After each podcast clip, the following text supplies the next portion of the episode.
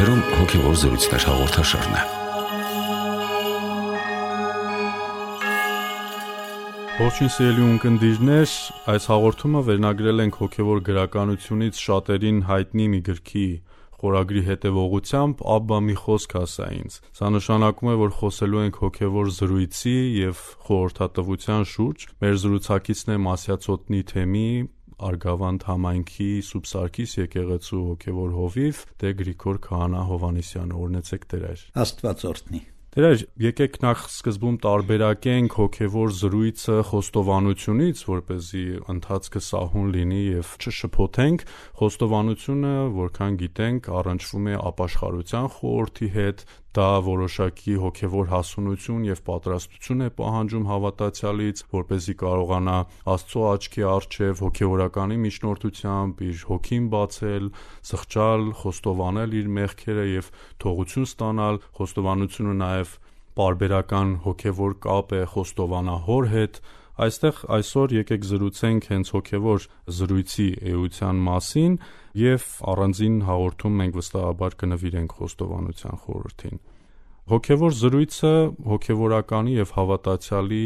հանդիպման արգասիքն է։ Եկեղեցում, եկեղեցուց դուրս, ծիսակատարությունների ժամանակ թե առօրյա շփումների ընթացքում եւ հավատացյալները շատ հաճախ խորուրդ են հարցնում, հոգևոր ինչ որ падգամ են փորձում ստանալ իրենց հարցերի պատասխանը։ Խնդրում եմ կիսվեք ձեր հոգևոր փորձառության հետ, քահանայական սպասավորության փորձառության հետ։ Շնորհակալություն։ Նախ կուզեմ երկու տարբերակում տնել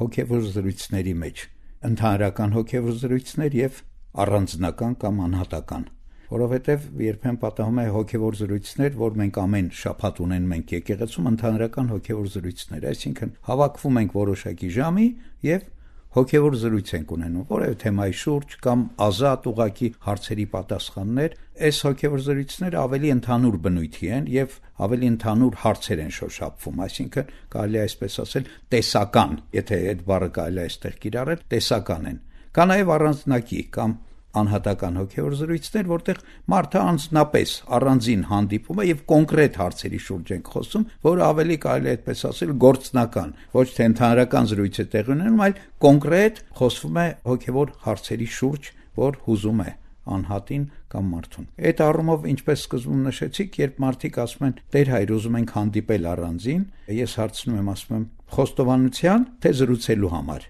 մեր համայնքի անդամներ որպես կանոն իրենք գիտեն, իրենք ասում են կամ խոստովանության համար են գալիս, կամ ուղակի զրուցելու, խորհուրդներ ստանալու կամ ինչ որ հարցերի շուրջ զրուցելու համար։ Եվ այս առումով մարդիկ հաճախ դիմում են հոգեորականներին, ավելի շատ այսօր ի նկատի ունեմ համայնքի անդամները, որոնք արդեն եկեղեցականացած մարդիկ են։ Ընդհանուր, երբ դիմում են քահանային զրուցելու, խորհուրդ ստանալու համար, ավելի շատ իրենց կենցաղային կամ իրենց ներքին հուզող հարցերի վերաբերյալ է լինում այդ զրույցները, ընտանեկան խնդիրներ կա կամ ինչ որ հոգեբանական խնդիրներ կա, երբ որ եկեղեցականացած մարդիկ են դիմում, ավելի շատ խոսում են հոգևոր ընթացքի մասին, ապաշխարության մասին, մեղքերի հետ պայքարի ընթացքի մասին, այս հարցերի շուրջ։ Եվ սրանք շատ կարևոր են հոգևոր զրույցները, որովհետև ընդհանրապես զրույց ասածը կարևոր բան է մարդու կյանքում։ Ես կարծում եմ Աստված, երբ որ մարդուն արարում էր, Ադամին ստեղծեց, Ադամը զրուցակից չուներ։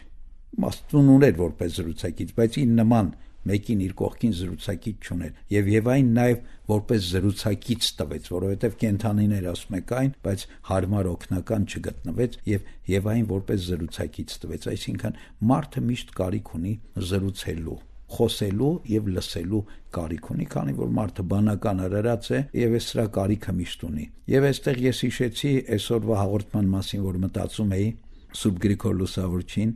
որն ասում է խորվիրապի 15 տարիները ինձ համար 15 օրվա պես անցան, որովհետեւ իմ զրուցակիցը Աստված էր։ Այսինքն նույնիսկ այնտեղ խորվիրապի մենության մեջ Գրիգոր Լուսավորիչը զրույցի կարիք ուներ եւ իր զրուցակիցն Աստված էր։ Ի վերջո, մեծ հաշվով եթե նայենք ավելի գլոբալ, աղոթքը նույնպես զրույց է։ մարդու զրույցը Աստծո հետ։ Սուրբ Գիրքը ընթերցելը նույնպես զրույց է, Աստված է խոսում մեզ հետ, երբ որ մենք կարդում ենք Սուրբ Գիրքը։ Եվ առանց զրույցի մարդու կյանքը դժվար է պատկերացնել։ Նույնիսկ միայնակիացները, ճգնավորները, որոնք տարիներ շարունակ մարդկանց երես չէին տեսնում, իրենք էլ զրուցում էին Աստծո հետ, զրուցակից ունեին։ Բայց մեր զրույցները երկու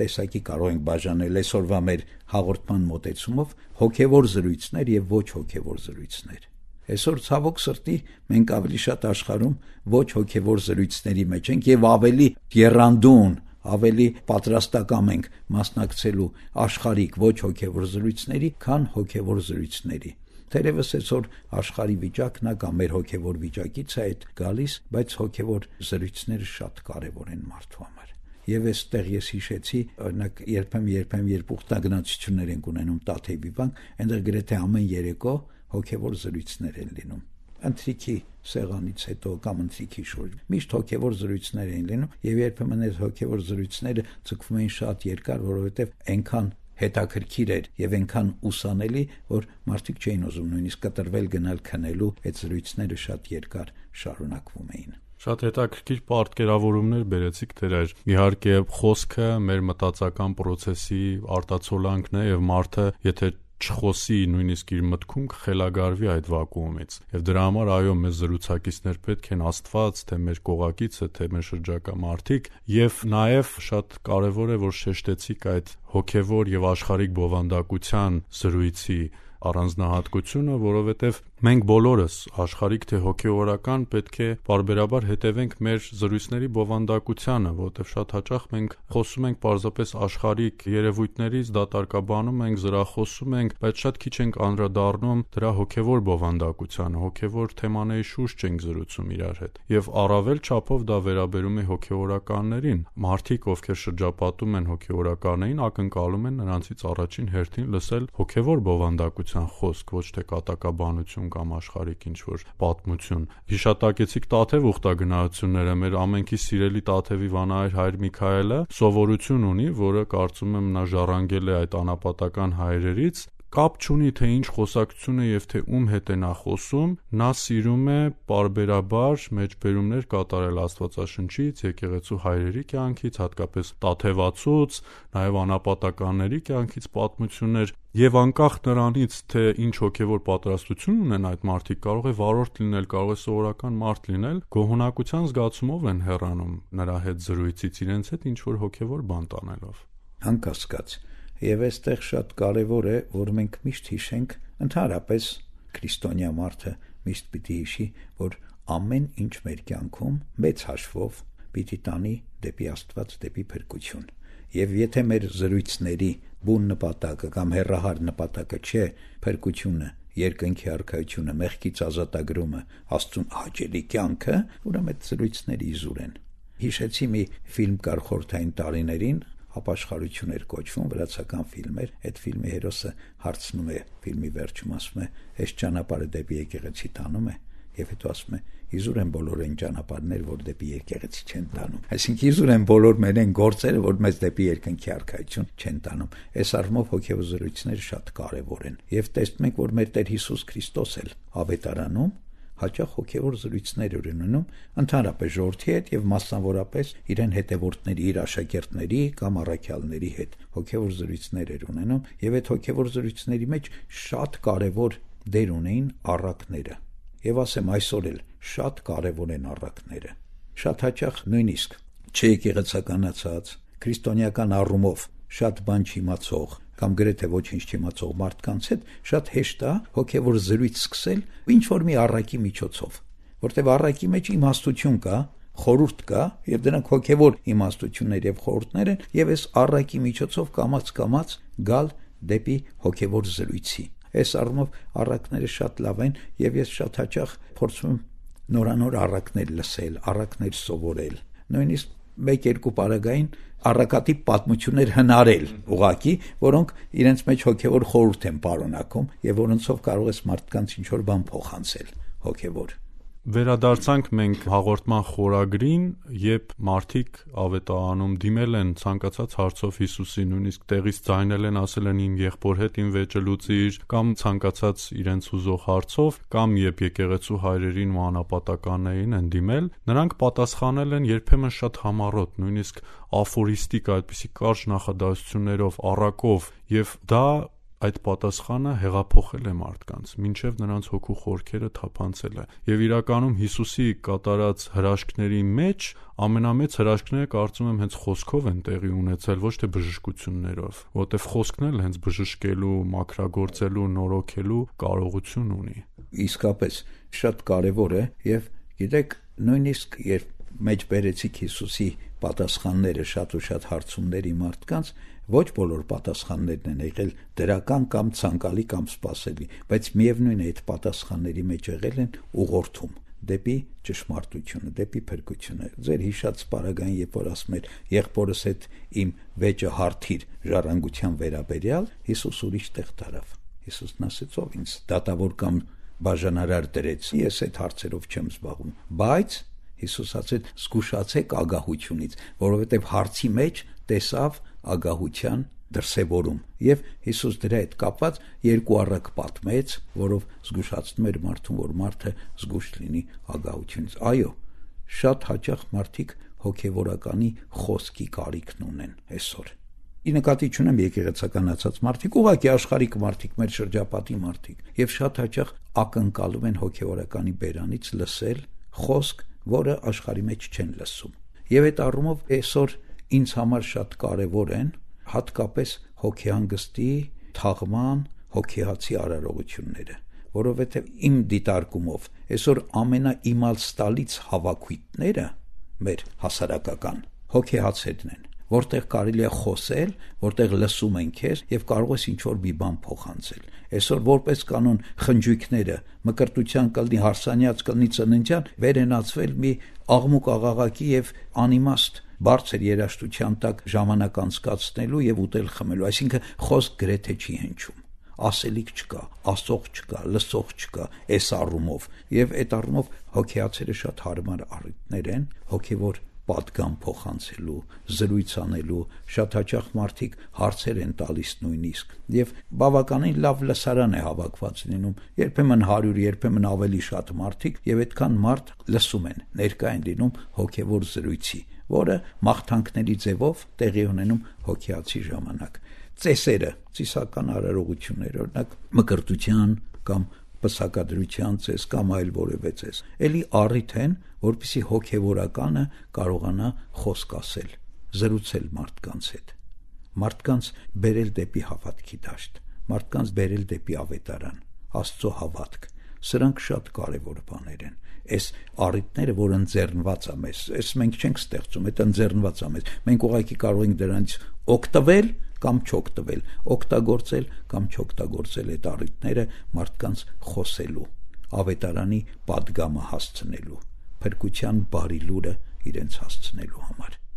Իրոք գործնական տեսանկյունից շատ կարևոր է, որ զրուցակիցները այդ երկու կողմերը զրուցող պատրաստ լինեն զրույցին։ Դրա համար հարմար պայմաններ են պետք, ժամանակ է պետք։ Ինչպես ասացի, Քրիստոս ինքը նման հարցումներին, որոնք անպատրաստ էին իր հետ զրուցելու, մի պահ կանգնեցրել է մարդկանց եւ վերուղորթել է նրանց խոսքը, տարել է ուրիշ ուղությամբ եւ այլ падգամ է նրանց տվել։ Կարծում եմ հենց չեկեղեցականացած մարդիկ էլ ովքեր մտնում են եկեղեցի եւ այդպես դիմում են հոգեվորականին, շատ հաճախ կարող է վրիպած հարց լինել կամ նույնիսկ կոպիտ հարց լինել, բայց հոգեվորականը պետք է կարողանա ցանկացած պահի նման հոսքը կանգնեցնել եւ աչքերը բացել այդ մարդու դեպի հոգեվոր զրույցը եւ մարդն էլ զգա, որ ինքը այո հոգեորական այդ բաներ կար, խոսելիքներ կար, բայց դա չգիտերել նա։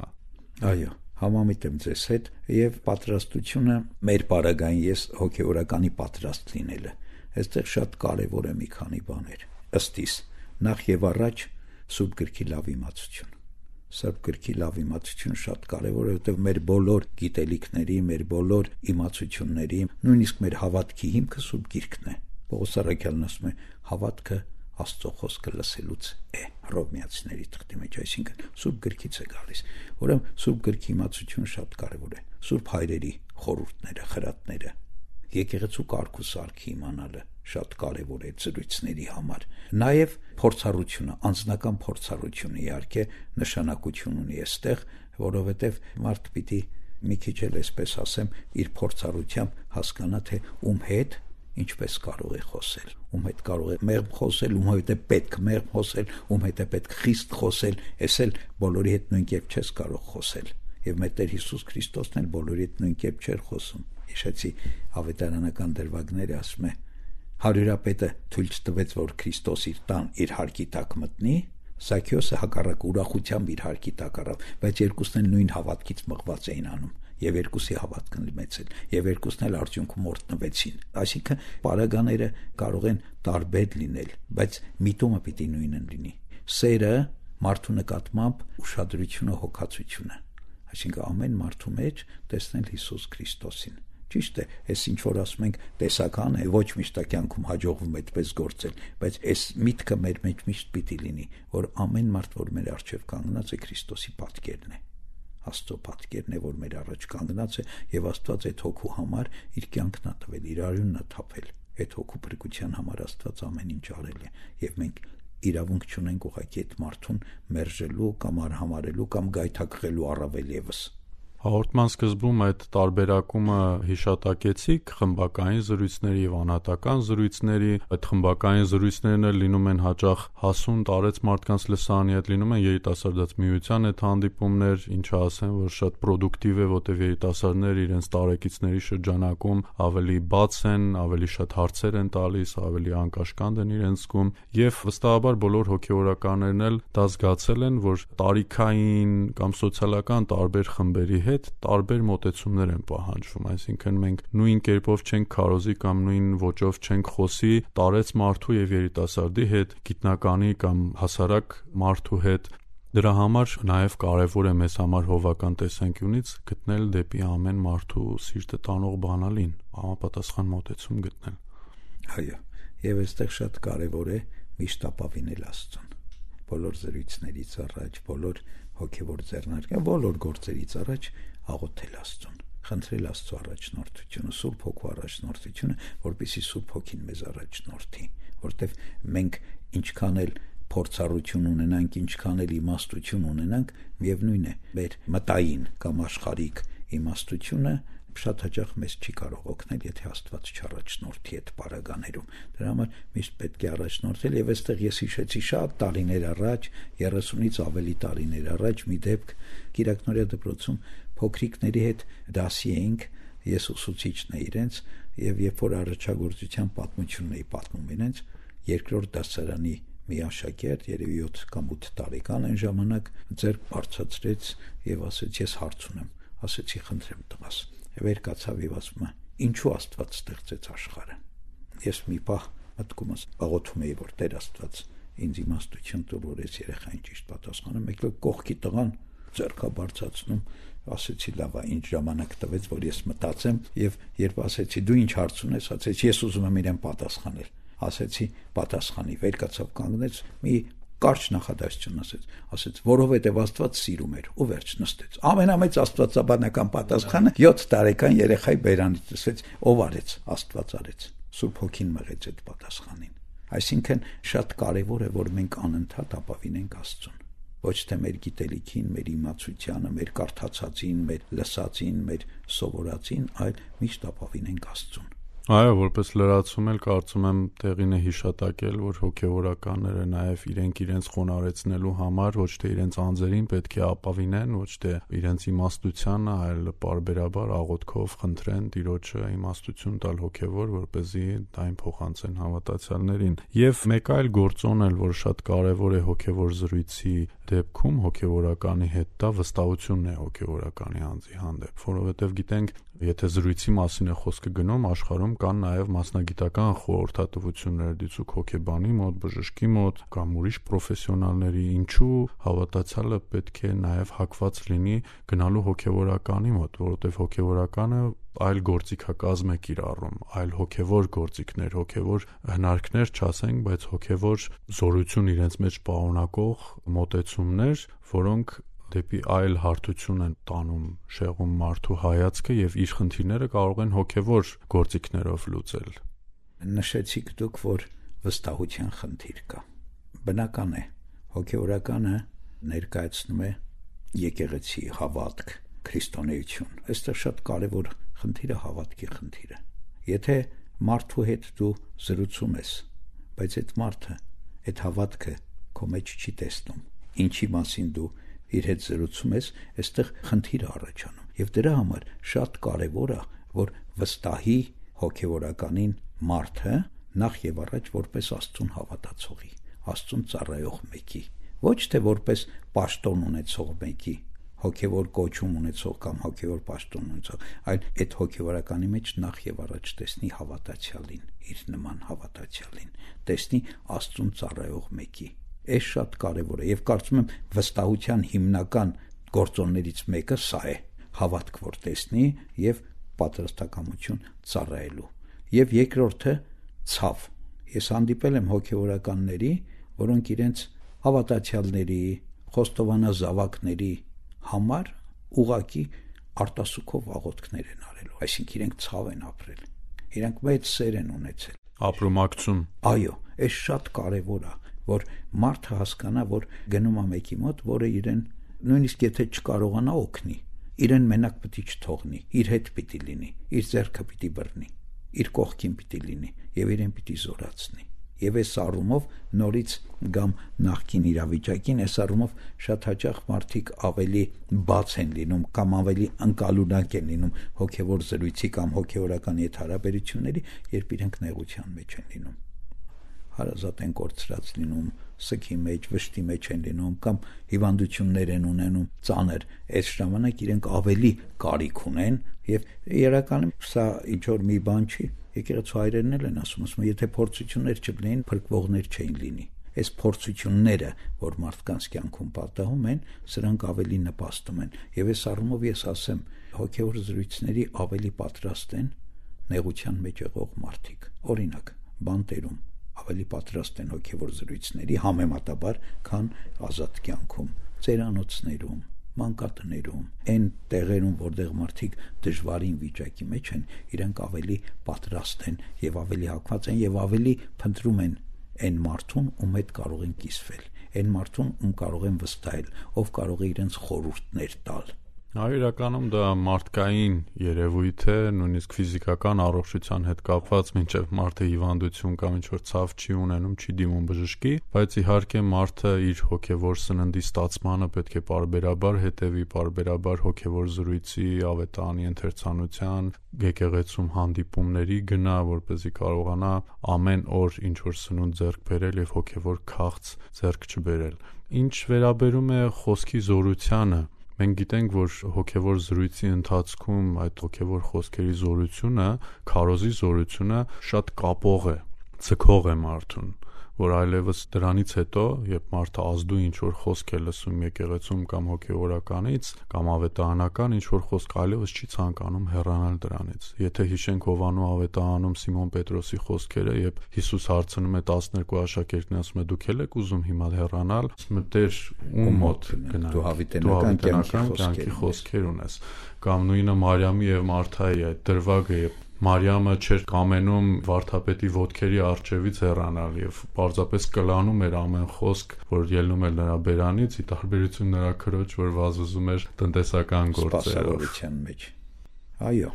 իրականում կարևոր է խոսքը եւ գիտեք, շատ հաճախ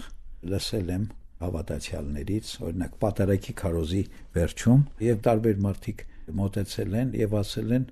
մենք մեր հարցերի պատասխանը ստացանք թեև մենք այդ հարցերը չէինք տվել։ Ինչ չէին տվել, ես գիտեմ, բայց Աստծուն էին տվել այդ հարցերը։ Եվ նույն խոսքի միջոցով Աստված ամեն մեկին հոգեորական չգիտի իսկի ում ինչ է պետք, այդպես անհատապես, անznապես, բայց նույն խոսքը Աստված կարող է օգտագործել ամեն մեկին իր ունեցածը հասցնելու հոգեգալստյան տոների մեջ ենք ճիշտ այնպես ինչպես Պետրոսը խոսում էր մի լեզվով բայց հավաքվածները ամեն մեկը լսում են իրենց լեզվով, այսինքն այստեղ նաև այն առումով հասկանանք, որ ամեն մեկը էր ընկալում ինչ որ իրան պետք էր։ Եթե իհարկե մենք աղոթքով Սուրբ Հոգուն ապավինած Աստծով այդ ամեն ինչը փորձում ենք Աստծով հասցնել մարդկանց, մարդիկ այդպես անցալում են։ Շատ հաճախ մենք ունենք այդպիսի դրվագներ մեր կյանքից, մեր շրջապատի մարդկանց կյանքին, որոնք մի խոսքով դարձի են եկել որոնք մի տեղ մի պատահական ավետարանական մի խոսք են լսել, քարոզի մի խոսք են լսել եւ այդ խոսքը իրենց ամբողջ կյանքը փոխել է։ Իրենք դարել են դեպի Աստված դարձի են եկել եւ սկսել են հոգեվոր կյանքով ապրել, սկսել են ավետարան կարդալ, եկեղեցի հաճախել, հոգեվոր զրույցների, քարոզների մասնակցել, այսինքն նպաստել է իրենց կյանքը փոխվելուն։ Եվ այդ մարդով չի, էլի մարդով չի, Աստծով է, որտեվ Աստված ամեն մարդու փրկությունն է ուզում։ Աստված չի ուզում, որ որը մեկը կորչի, ապա ուզում է, որ բոլորը փրկվեն հավատան եւ փրկվեն եւ ամեն մարդու կյանքում բազմաթիվ առիթներ է ստեղծում Աստված գոնե որ այդ առիթներից մեկով այդ մարդը որսացվի երկնքի արքայության համար, որսացվի փրկության համար, հավիտենական կյանքի համար եւ հոգեոր զրույցները այս առումով նաեւ շատ կարեւոր են, որ մենք միշտ ջանանք հոգևոր զրույցների մեջ աստունապավինած փորձենք աղոթենք խնդրենք որ աստված այդ ներկաներից ամեն մեկին տա այն ինչ որ ինքը փափախում էր ինչ որ ինքը փնտրում էր ինչին ինքը ձգտում էր որտեվ շատ հաճախ մարդը գալիս է ուրիշ բանի համար եւ ուրիշ բանով գնում է ես օրինակ այդպես մի վկայություն ունեմ մի դահլիճում որտեղ հոգևոր զրույց էր տեղի ունենում դահլիճի ուղակի սпасարկող անձնակազմից մեկին պետք է գար, որ այդ դալիճին ուրեմն ինքը ուղակի սпасարկեր, որտեղ հոգևոր զրույց է։ Եվ այդ աշխատակիցն ասում է ես շատ տհաճությամբ եկա որովհետև իմ հանգստյան օրներ ինձ վրա պարտականություններ դրված ես էլ ասում եմ սրանք երբ պիտի վերջացնեն գնան որ ես ազատվեմ գնամ իմ հանգստին եւ ասում եմ բայց ես չգիտեի որտեղ ինձ համար թաքնված մի հատ խայծ կար եւ այդ հոգեվոր զրույցից հետո որին ինքը ակամա մասնակից է եղել ճուզենալով այսպես ասեմ ինքը որսացվել է եւ այդ օրվանից իր կյանքը փոխվել է եկեղեցականացել արդեն շուրջ 30 տարի այդ մարդը Այո, եկեղեցու սրբերի վարկաբանությունը լի է այդպիսի դրվագներով, երբ մեկ քարոզից, մեկ առակից, մեկ քրիստոնեական ճշմարիտ հանդիպումից հետո մարդիկ լիովին փոխել են իրենց կյանքը եւ ասացիք որ Աստված տասնյակ նման հնարավորություններ յուրաքանչյուր մարդու ուղարկում է, պարզապես մենք պետք է այդքան հեռու չմնանք եկեղեցուց տասնամյակներով, որ เป զի բաց թողնենք այդ բոլոր հնարավորությունները։ Մեր հորդորն է կարծում եմ, որ ավելի հաճախ մարդիկ այցելեն եկեղեցի, առնչություն ունենան այդ շրջանակների հետ եւ վստահաբար մի օր Աստված շատ զորավոր կերպով ուրիշ մարդկանց միջոցով թեկուս կխոսի իր հոգու հետ։ Այս հաղորդաշարն էլ հոգեվոր զրույցներ հրավեր է պարզապես Աստծուն գտնելու ամեն մեր հանդիպումը հրավեր է առիթ է որպեսզի մտածեք այդ խորհուրդների մասին Տեր հայրը միշտ եկեղեցում կլինի կարող է ձեզ ընդունել մենք էլ փորձում ենք այս հաղորդաշարի միջոցով խոսել ձեր սրտերի հետ շնորհակալ եմ Տեր հայր այս հոգեշահ զրույցի համար մենք ձեզ հրաժեշտ ենք տալիս սելի ունկնդիրներ կհանդիպենք հաջորդ եթերաժամին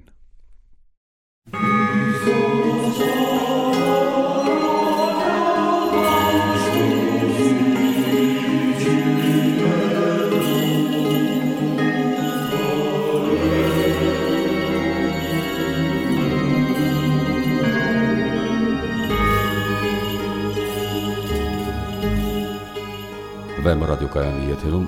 հոգևոր զրույցներ հաղորդաշարներ։